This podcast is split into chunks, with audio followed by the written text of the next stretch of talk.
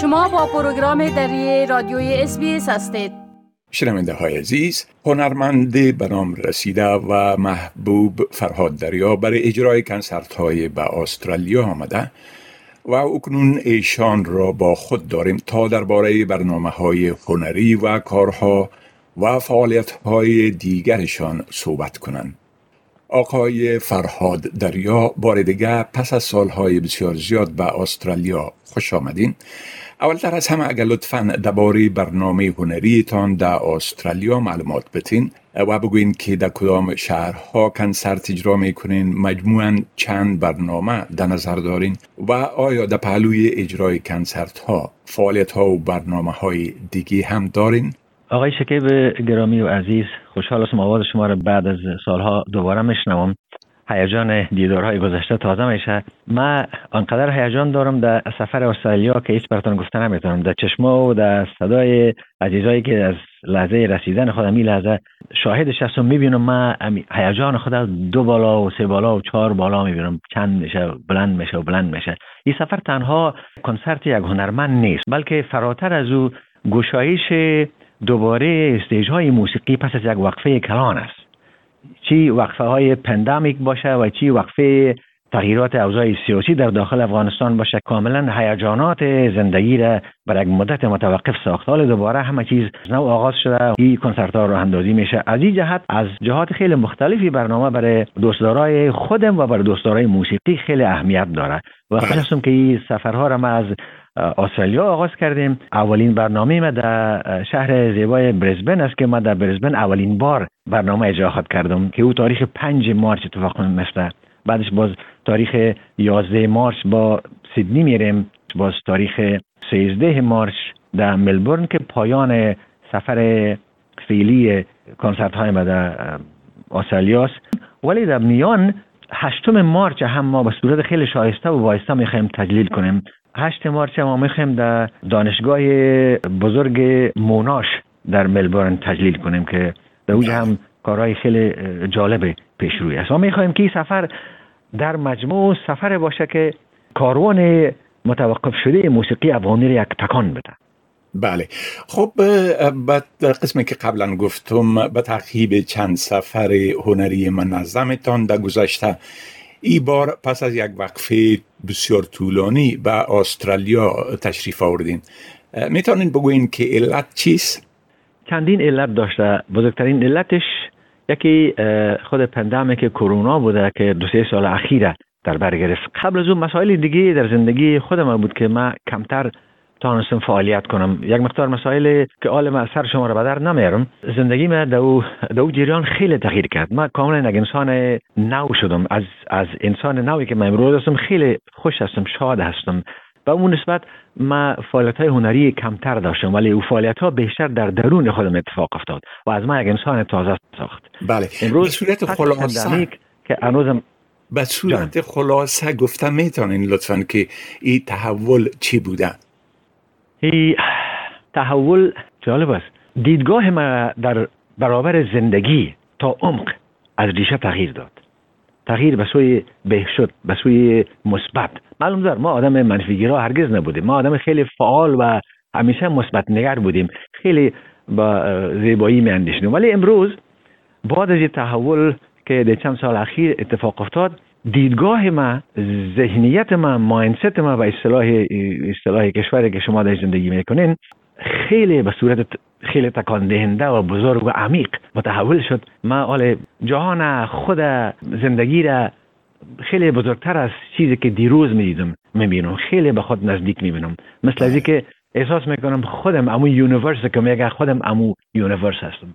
واضحی که براتون میگم گرچه صحبت ها در برنامه کوتاه رادیو نمیگم یقینا یقینا خب می‌تونین بگوین که چی کارها و فعالیت های هنری ابداعی و ابتکاری در این اواخر انجام دادین که ممکن هواخواهان هنرتان از اونا آگاهی نداشته باشه و علاقمند دانستن درباره اونا باشن ابتدا یک چیز در کل باید بگویم که ایجادات هنری ما از یک ماه یا دو ماه به این طرف به سرعت طرف افزایش است. برخلاف گذشته های اخیر که من خیلی خاموشتر بودم اکنون یکی پای هم یکی پای هم ایجاد کرده میرم و ایجاد کرده میرم نه تنها بر خود بلکه برای نسل جوانی که نیازمند اجرای آثار تازه تر هستند. در این دو شب و روز خیلی ضرورت است که ما کسی مثل ما هنرمندان مثل ما از خانواده هنر موسیقی افغانستان حمایت کنند و کمک کنند تا اینا نجات پیدا کنند.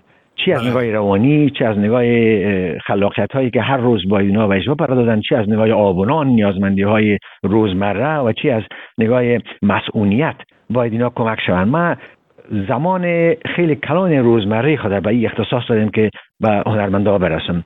از جمله تلاش دارم یک بخش کلان هنرمندا رو بیرون از افغانستان بکشم. من با بله. هنرمندا خیلی همکاری دقیق و از نزدیک دارم و در عین حالم برای هنرمندایی که نیازمند هستند چون آبونانشان در زندگی قطع شده حقشان قطع شد. ما کوشش می‌کنیم که کمک های مادی هم برسانیم. در این شب روز هم برای بیشتر چل پینجا خانواده هنرمند و کمک مادی آماده کردیم انتقال دادیم داخل افغانستان. در کنار هنرمندا ما برای زنان نیازمند بیشتر زنانی که معلم بودن در گذشته معاش نداشتن دیگه نیازمندا حتی نظامیایی که در گذشته شهید شدن خانواده هاشون به سرپرست ماند. به اونا کمک جمع بری کنیم. خب شما از افغانستان گفتین و وضعیت زندگی هنرمندا و آوازخانا در افغانستان. با حاکم شدن طالبا در افغانستان طبعا فعالیت ها در ساحه هنر موسیقی مختل و روند انکشاف او متوقف شده. شما سرنوشت موسیقی افغانستان در آینده چطور ارزیابی می‌کنین و زیانی که از این وضعیت متوجه موسیقی میشه با چی پیمانه خواد بود از نظر شما؟ منتظر ای پرسش بودم چون فعلا جان زندگی افغانی هست ای پرسش.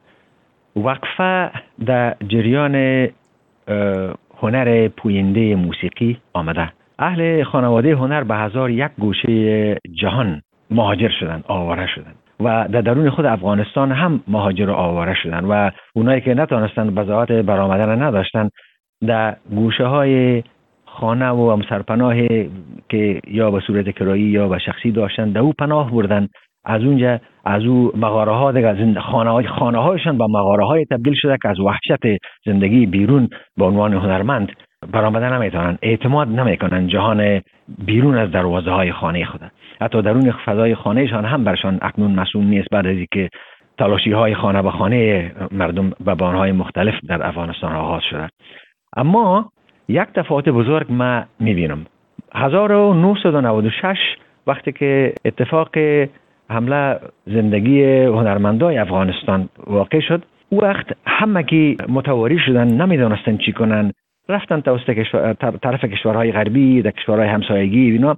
تمام تلاش های خود اونا از صفر آغاز کردن. چون قبل از اونا کارهای بزرگ در مورد موسیقی یا, برای موسیقی افغانستان در بیرون از افغانستان در بیرون از مرزها صورت نگرفته بود. نهادها وجود نداشت. ولی از او زمان تا امروز که 20 سال بیشتر از 20 سال میگذره نهادهای موسیقی بیرون از افغانستان خیلی محکم و ریشهدار ایجاد شد و فعال هستند اکنون.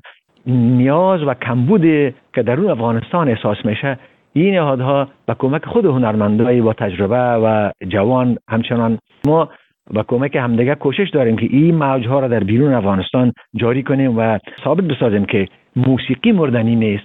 ثابت بسازیم که هیچ نیروی سیاه هیچ دست سیاه هیچ قدرتمند سیاهکار در جهان نتانسته صدای موسیقی را خاموش کنه خب شما قبلا درباره کارهای امدادیتان در افغانستان صحبت کردین. اگر لطفا به صورت خلاصه بگوین که یک پروژه را که با اطفال به بزاعت در افغانستان داشتین او در چی وضعیت فعلا قرار داره متاسفانه با آمدن نظام کنونی در افغانستان با آمدن طالبان در افغانستان در آگست سال 2021 تمام دفترهای ما در تمام ولایت افغانستان در چند ولایت به شمول خود مرکز کلانش در کابل بود بسته شد. و ما او دفترها را با تمام امکاناتی که داشتیم با تمام وسایلی که دو داشتیم از دست دادیم از دست ما رفت دو دسترسی نداریم. و تمام کارهایی را که ما در افغانستان انجام می‌دادیم به شمول کار و کمک به کودکا و مادران و زنان بیوه. اونا هم در حالت تعلیق است.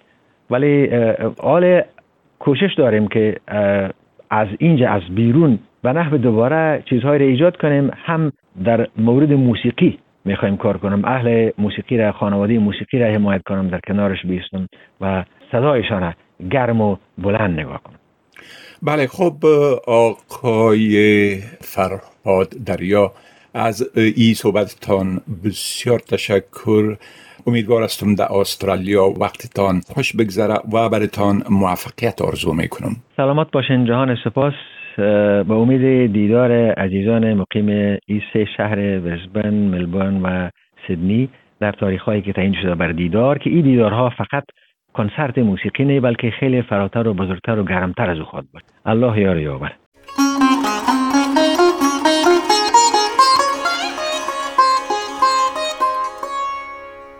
و اکنون شما را به شنیدن یک آهنگ نوی از فرهاد دریا دعوت می کنیم که او را آقای دریا به برنامه دری رادیوی اسپیس اهدا کرده که ما از این هنرمند خوش آواز و محبوب صمیمانه تشکر می کنیم.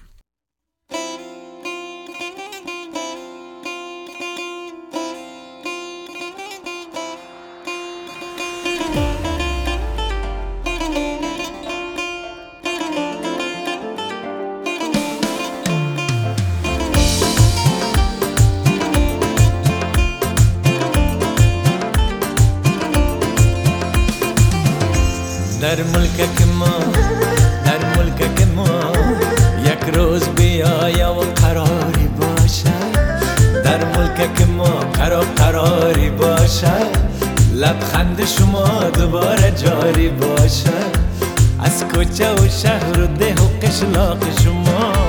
از کوچه و شهر و ده و قشلاق شما. غم های سبیل مانده فراری باشه غم های سبیل مند فرار باشه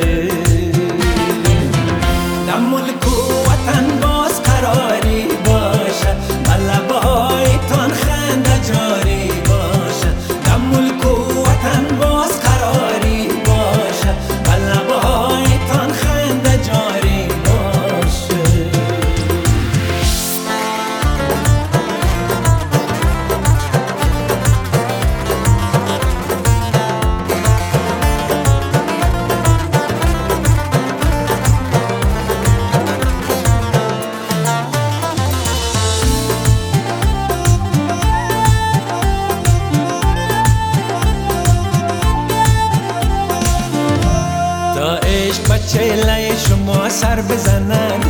تا عشق بچه لای شما سر بزند. آزادی به خانه هایتان در بزند.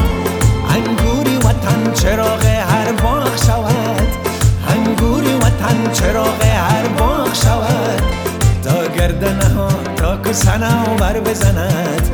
تا گردنه ها تا کسنه بر بزند. در ملک و وطن باز قراری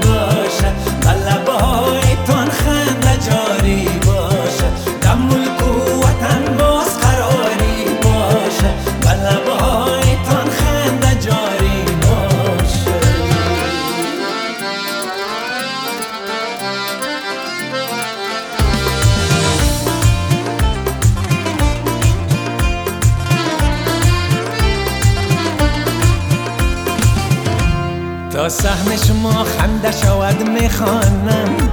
تا سهم شما خنده شود می‌خوانم. غم از دلتان کنده شود می‌خوانم. تا خستگی از جان شما کج کند. تا خستگی از جان شما کج کند. دلهای شما زنده شود می‌خوانم. دلهای شما زنده شود می‌خوانم.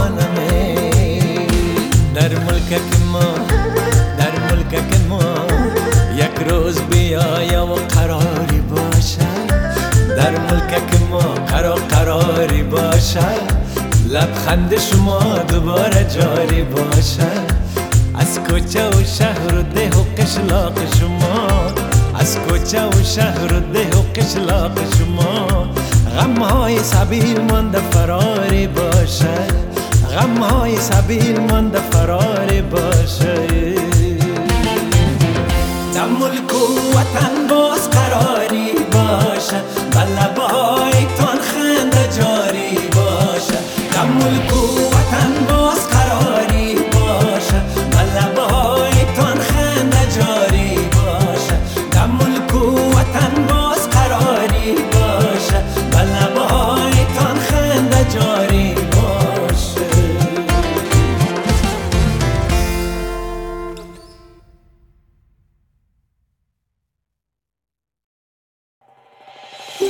خواهید این گونه گزارش ها را بیشتر بشنوید؟ به این گزارشات از طریق Apple Podcast، Google Podcast، Spotify و یا هر جایی که پادکاستتان را می گیرید گوش دهید.